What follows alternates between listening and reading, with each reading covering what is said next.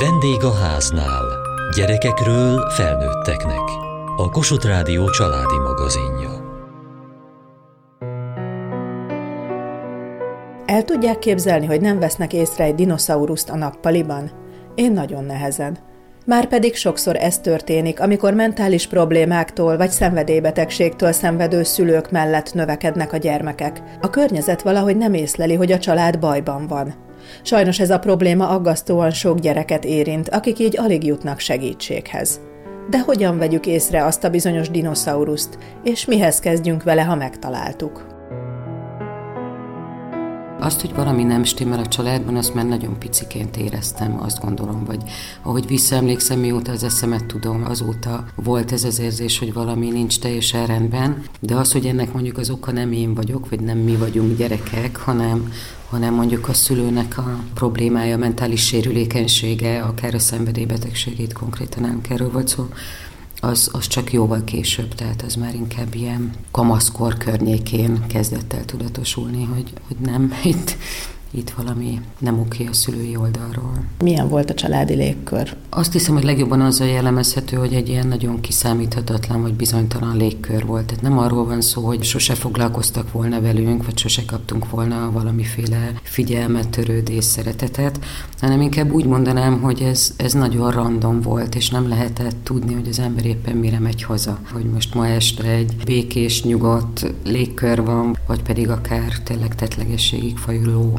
agresszió. Talán még az is jobb, hogyha van egy biztos rossz, mint az, hogy ennek az állandó váltakozása van, és hogy talán ez a fajta érzelmi elérhetetlenség volt a legnehezebb gyerekként megélni. Szóval én is voltam a tündérbogár világ közepétől kezdve a legalja, nem tudom, minek vagy a világon. A legkülönbözőbb szélsőségek jelentek meg, és talán ennek a ez a bizonytalanság, ez, a, ez az állandóan változó, kaotikus légkör, amit én személy szerint nagyon nehezen éltem meg. Hoffman Kata, klinikai szakpszichológus, és az egyik szerzője vagy szerkesztője a Láthatatlan Árvák című kötetnek, amely a Máltai Szeretett Szolgálat kiadásában jelent meg, és a szenvedélybeteg, illetve mentális sérülékenységgel küzdő családokban élő gyerekek problémáiról szól. Miért kezdett el foglalkozni ezzel a témával? Több okból kezdtem vele foglalkozni, egyrészt magam is érintett vagyok, tehát én is ilyen családból származom, konkrétan szenvedélybetegséggel küzdő szülőktől, tehát saját jogon is kvázi kezdett érdekelni a téma, illetve hát a diktológia területén dolgozom.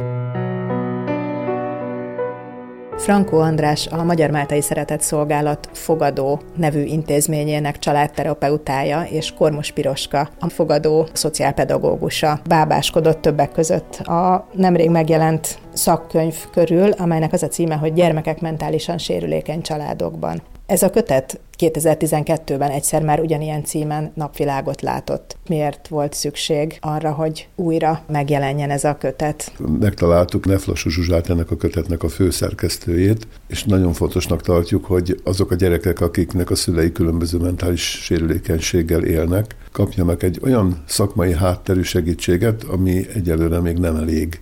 Annak ellenére sem, hogy igen, ez tíz év alatt ez a könyv elfogyott, és nagyon örülünk, hogy éppen a tizedik évfordulóra sikerült kiadni, ábrákkal kiegészítve, és egy önálló fejezettel, ami kifejezetten a szenvedélybeteg szülők gyerekeiről szól. A mentálisan sérülékeny családok kifejezés mit jelent? Elsősorban azért használjuk ezt a kifejezést, mert kevésbé stigmatizáló, ilyen nem a kezdetben használt pszichiátriai beteg, vagy még előbb az elmebeteg kifejezéseket használja, hanem egyfajta sérülékenységről beszél, egy olyan helyzetről, amit tulajdonképpen nagyon sok embernek az életében megtörténhet. Bizonyos traumák hatására is akár, hogy hogy egyes ilyen sérülékenységekkel kell élnie. A komplet kifejezés pedig, hogy mentálisan sérülékeny családok, az pedig azért használjuk így, mert általában azt tapasztalható, hogy ahol egy családban valakinek van valamilyen fajta mentális sérülékenysége, ott tulajdonképpen az egész családot érinti, és sok esetben sújtja is. És a sérülékenység kifejezés azt is jelenti, hogy ezen lehet gyógyítani, lehet segíteni, vagy adott esetben úgy együtt élni vele, hogy minél kevesebb nehézséget okozom. És mi elsősorban a gyerekeket vettük fókuszba, az ő segítségüket szeretnénk ennek a könyvnek a kapcsán a szakembereken keresztül megadni. Hány családot érinthet valamilyen mentális sérülékenység? Van erről adat? Lehet erről tudni valamit? Vagy a dolog természetéből adódóan ez egy nagyon nehezen feltérképezhető terület? Becsléseink szerint kb. 400 ezer gyermek érintett azzal, hogy szenvedélybeteg szülője van. Ez minden ötödik gyereket jelenti. És emellé még hozzátesszük azokat a gyerekeket, akiknek nem szenvedélybeteg a szülőjük, de valamilyen mentális sérülékenységben szenved, akkor valószínűleg még több gyereket érint ez a probléma. Hát ez a statisztika. Ez egy elég riasztó információ vagy adat. Milyen mentális sérülékenységekről beszélhetünk a szenvedélybetegségeken kívül? Különböző súlyossági fokozatban fordulhatnak elő, mint a szorongásos zavarok, pánikbetegség, depresszió, skizofrénia, étkezési zavarok, ezek az alap problémák, amik, amik azt is fontos tudni, hogy különböző súlyossággal fordulhatnak elő. És még az előző kérdésére visszatérve, itt mindig arról beszélünk, hogy amikor nem kapnak a családok és nem kapnak a gyerekek segítséget. Tehát nyilván annak a következményei azok, amik, amik őket is nagyon erősen megterheltik, akár úgy, hogy generációkon át viszik magukkal ezeknek a mentális betegségeknek, sérülékenységeknek a tüneteit és a terheit. Ez a kötet szakembereknek szól. Hogyan tud segíteni az itt található anyag? Ha ennek a legelső kiadása is helyből úgy készült, hogy az oktatásba vitték az Eflassú Zsuzsáék, tehát azoknak, akik a tanítóképzőn járnak, tanítóknak, óvónőknek, és hogy mi azoknak a szakembereknek szeretnék még rajtuk kívül a kezébe ajánlani, akik gyerekekkel találkoznak, szociális munkások, védőnők, óvodában dolgozó dajkák, stb., és akár házi orvosok. De nyilván ezek könyv egyébként használhatóak, és hogyha valaki laikusként érdeklődik a téma iránt. Amiben segít szerintem az, hogy ad egy, egy szempontrendszert, és ad egy ilyen útmutatót, hogy megértsem, hogy miért viselkedik a gyerek úgy, ahogy viselkedik, hogyha ez előfordul a családjában a mentális sérülékenység.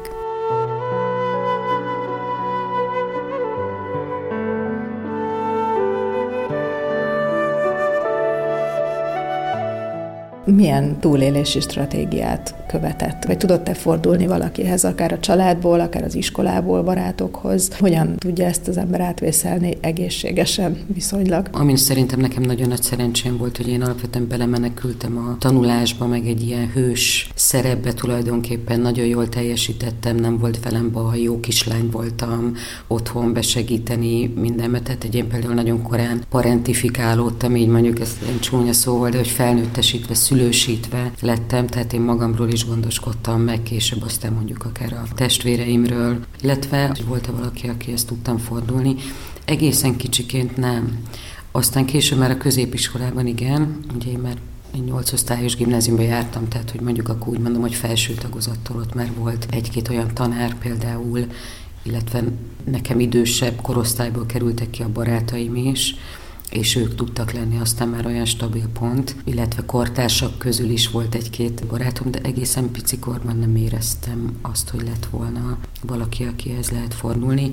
Amit ön is kérdezett, ez viszont ahhoz, hogy az ember épp bőrrel ussza meg, vagy épp, épp lelkülettel, ez egy kulcs tényező szokott lenni. A szülőkkel meg tudták beszélni, hogy most miért haragszol, vagy nem merték, vagy nem is akarták talán tudni a választ? Én megint azt mondom, hogy gyerekként nem. Szóval gyerekként, meg amiről most nem beszéltünk, de azért ez nagyon fontos, hogy az ilyen családokban van egy ilyen nagyon erős alapszabály, ez a ne beszélj. Az is, hogy ne érezz és ne, ne bíz, de hogy ez a ne beszéljnek a, a tilalma, és hogy mi sem osztottuk meg azt, azt, hogy mi történik velünk otthon, és a szülőkkel sem. Ami szintén azért probléma, mert hogyha magára marad egy kisgyerek a, az élményeivel, és ezt nem tudja értelmezni, nem tudja megosztani senkivel, akkor magára fogja venni ezeket, és azt gondolja, hogy ez az ő problémája, és ő okozta, és ő fogja tudni megoldani, és majd megpróbál mindent megtenni. Tehát sajnáltam is a szüleimet egy időből, hogy hát biztos azért vannak gondjaik, mert én nem vagyok elég szép.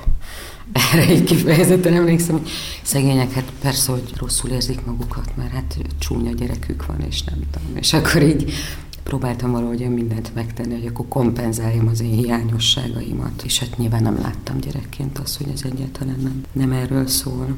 Mi az, ami a legfelkavaróbb, vagy legmegrázóbb élménye volt? Ami nekem személy szerint azt hiszem, hogy a legnehezebb volt, vagy mai napig, ha visszaemlékszem, az, az maga a bántalmazás például, az érzelmi és fizikai bántalmazás, ami, ami jelen volt, illetve ez az érzelmi elhanyagolás, ez a magunkra hagyottság, hogy nem lehetett ezekről beszélni, nem lehetett megosztani, nem kaptunk egy támpontot az értelmezésben, a történtek feldolgozásában, és ez az, ami, ami szinte minden ilyen mentálisan sérülékeny családban pont a betegségből adódóan, vagy ebből a problémából adódóan a szülő nem képes stabilan jelen lenni, nem képes ellátni a szülői funkcióit olyan módon, ahogyan ez egy, egy optimális személyiségfejlődéshez szükséges, és hogy a gyerekeknek ez, ez az egyik legnehezebb, ami a leg, leginkább nyomot hagyó élmény.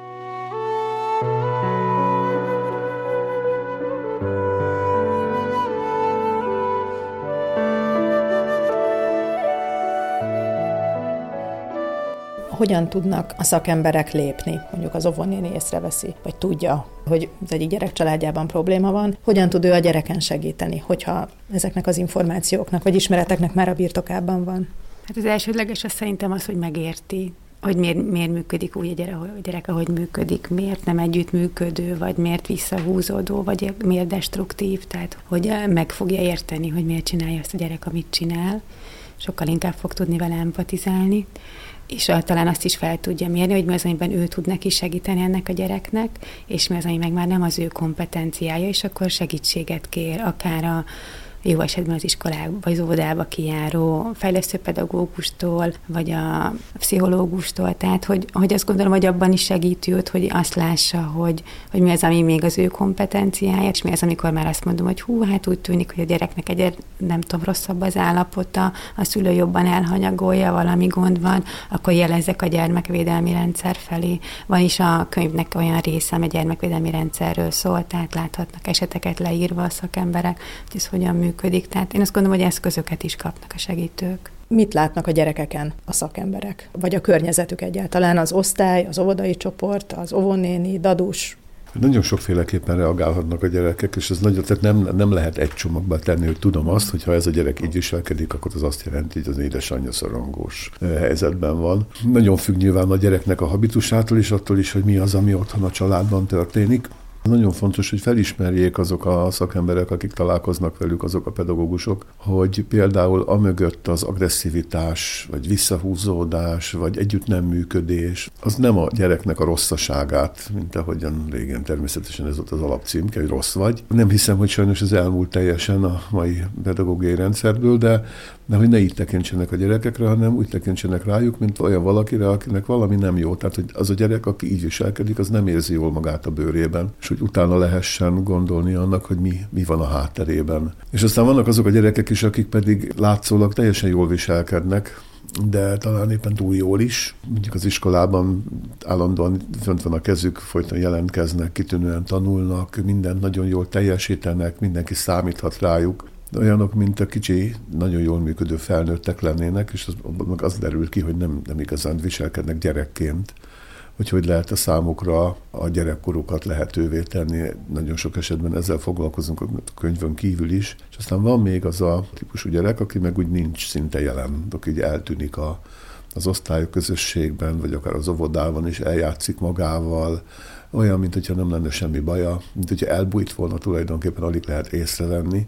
Mi nagyon sok esetben őket tartjuk a legveszélyeztetettebbnek, vagy ők, engem legalábbis ők érintenek meg érzelmileg a leginkább, mert olyan kis elveszett gyerekek, akik látszólag nincs velük semmi baj, de nem feltétlenül kell azt gondolni, hogy aki így viselkedik, a minden esetben van valami majd a mentális sérülékenység a családban, de az nem baj, hogyha a gyanú felébred abban a pedagógusban, aki vele találkozik, hogy vajon ez az ő alaptermészetéhez tartozik, vagy valami fajta reakció arra, ami otthon van. Ha felismeri a gyerekkel kapcsolatban lévő szakember, hogy itt valami gond van, és jobban megérti, az mennyi erőt tud adni a gyereknek? Rengeteget.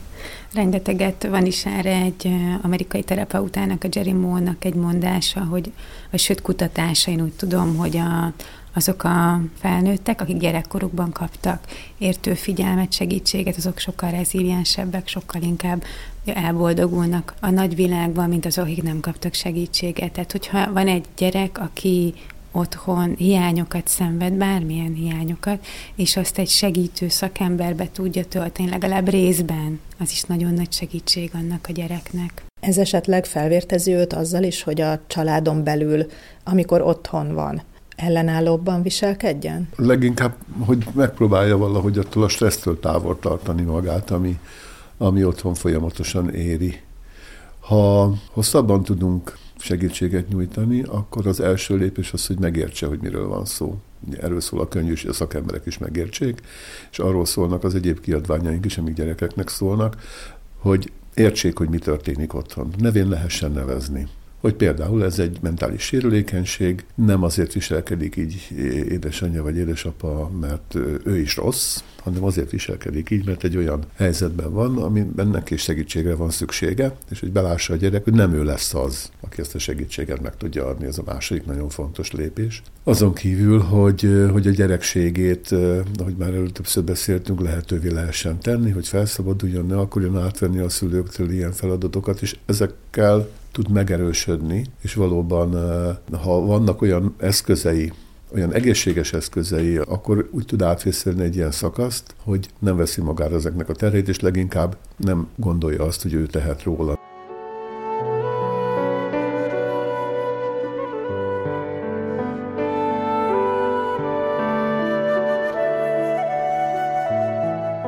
Hogyan lett vége ennek az időszaknak. Egyszerűen felnőtt, vagy esetleg sikerült a szülőknek tudatosítani, hogy problémájuk van, és segítséget kértek. Igen, olyan jó lenne mondani, hogy ez az utóbbi történt, hogy mindenki belátta a problémáját és segítséget kér, de nem. Tehát, hogy az első fázisnak ott ért vége, amikor az én szüleim elváltak, akkor 6-10 éves koromig tartott ez a vállási folyamat, de hogy az első etapnak valahogy ott lett vége, és aztán az édesapám részéről ugye én még mindig érintett voltam elég sokáig, mert hogy én aztán vele, vele nevelkedtem tovább, és nekünk nagyon-nagyon sok konfliktusunk volt azt gondolom, hogy az édesapám állapotából, betegségéből adódóan is, és aztán én 15 évesen kerültem ki ebből a családból, én kollégista lettem, tehát ott volt egy pont, ahol az apám Ma már azt mondom, hogy hál' Istennek, de azt mondta, hogy akkor mostantól, hogy nem szeretne velem egy fedél alatt élni, és nagyjából mehetek, amerre látok, és akkor ez, ez így volt, hogy én budapestiként végül is Budapesten kollégista lettem, és, és kikerültem ebből a légkörből, tehát azt gondolom, hogy azért az, hogy nagyjából úgy, ahogy a mentális épségemet sikerült megőrizni, abban ez egy nagyon, nagyon pozitív lépés volt. És aztán utána meg felnőtt is lettem, igen, tehát a kollégium után ezt a leérettségiztem, dolgozni kezdtem, stb. stb. és éltem a saját életemet, meg a saját világomat, és aztán később, tehát mert bőven a 20 éveim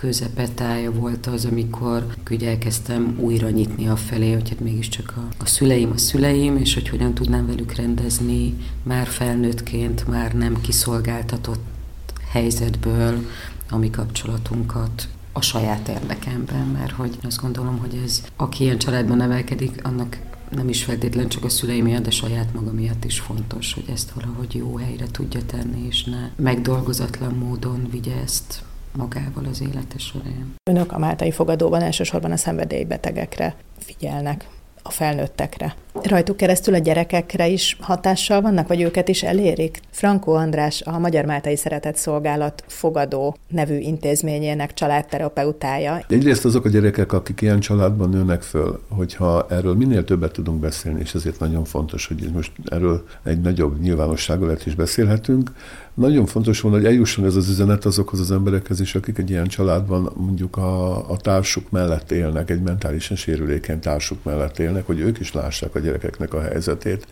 És amikor nagyon sokszor mondjuk azt, hogy ez a könyv szakembereknek íródott, ami ugyan igaz, de egy mentálisan sérülékeny ember is nagyon erősen szakembere tud lenni saját magának, hiszen pontosan ismeri a tüneteit, tudja azt, hogy mi történik vele, tudja azt, hogy mi hogyan hat rá, hogyha a kezelésbe jár, hogyha a gyógyszerét használja, amikor az szükséges, hogy az lenne nagyon jó, hogyha ő is, és a felnőtt szülőtársa is látná, hogy mi történik a gyerekekkel, mert hogy az az egyik legnagyobb tévhit ezzel kapcsolatban, a gyerek nem vesz észre semmit, ő úgyse tud semmit. És azok a tünetek nyilván nem azért vannak, amik vele kapcsolatban megjelennek, mert hogy itt probléma van, hanem az az ő problémája. És hogy ezt próbáljuk átidalni, és ezt a tévhitet feloldani. Tehát nagyon jó lenne, hogy azok a szakemberek is, akik a saját érintettségükben, tehát ők azért szakembere, mert hogy ő éppen ennek a mentális sérülékenységnek a szenvedője, és vele együtt ott van a társa és a felnőtt társa, és ő rálásson a gyerekekre. Van egy olyan kiadványunk is egyébként, ami elsősorban megint csak az alkohol problémáról szól, hogy szülő mindenek előtt, szülő mindenek ellenére, ez egy nagyon frappáns megfogalmazás a svájci szakemberek által összeállított kis kiadványnak, ami megpróbálja a szülőket is bevonni abba, hogy bár létezik ez a fajta sérülékenységed, vagy létezik ez a fajta függőséged, de ettől függetlenül a szülőséged, mint egyfajta felelősség, az jelen van, és egy lehetőség is. Lehet, hogy vannak olyan epizódok, olyan periódusok, amikor ezt nehéz teljesíteni, de hogy általában azért ezek ilyen periódusokban zajlanak, hogy hogy lehet átidalni is a gyerekek számára is azt megjeleníteni, hogy mik az erőforrásai például ennek a családnak. És hogy ezek a gyerekek nagyon sok esetben nagyon sok erőforráshoz is jutnak, miközben ezeket a családi helyzeteket próbálják túlélni, mert egyrészt nagyon empatikusak lesznek, nagyon oda tudnak figyelni másokra. Tehát, hogy keressük meg azokat az erőforrásokat, amik akár egy ilyen családban léteznek. Kormos Piroska, a fogadó szociálpedagógusa. Van olyan családterápiás ülés, amikor a gyerekek is itt vannak, és van gyerekcsoportunk kamaszoknak, akiknek az egyik vagy mindkét szülője szenvedélybeteg, illetve egyéniben is tudnak jönni, olyan is van, aki egyénileg jön inkább. Ezek kis létszámok, tehát hogy pár gyerekről beszélünk, de hogy nagyon izgalmas, hogy ez mégiscsak évek óta működik, és most olyan, hogy jönnek új megkeresések, tehát hogy úgy tűnik, hogy elment a híre annak, hogy itt dolgozunk gyerekekkel, illetve kisebb gyerekekkel is dolgozunk, egyéniben is, illetve most indult januártól egy kifejezett gyerek pszichodráma csoport érintett gyerekeknek, szóval így próbálunk segíteni nekik.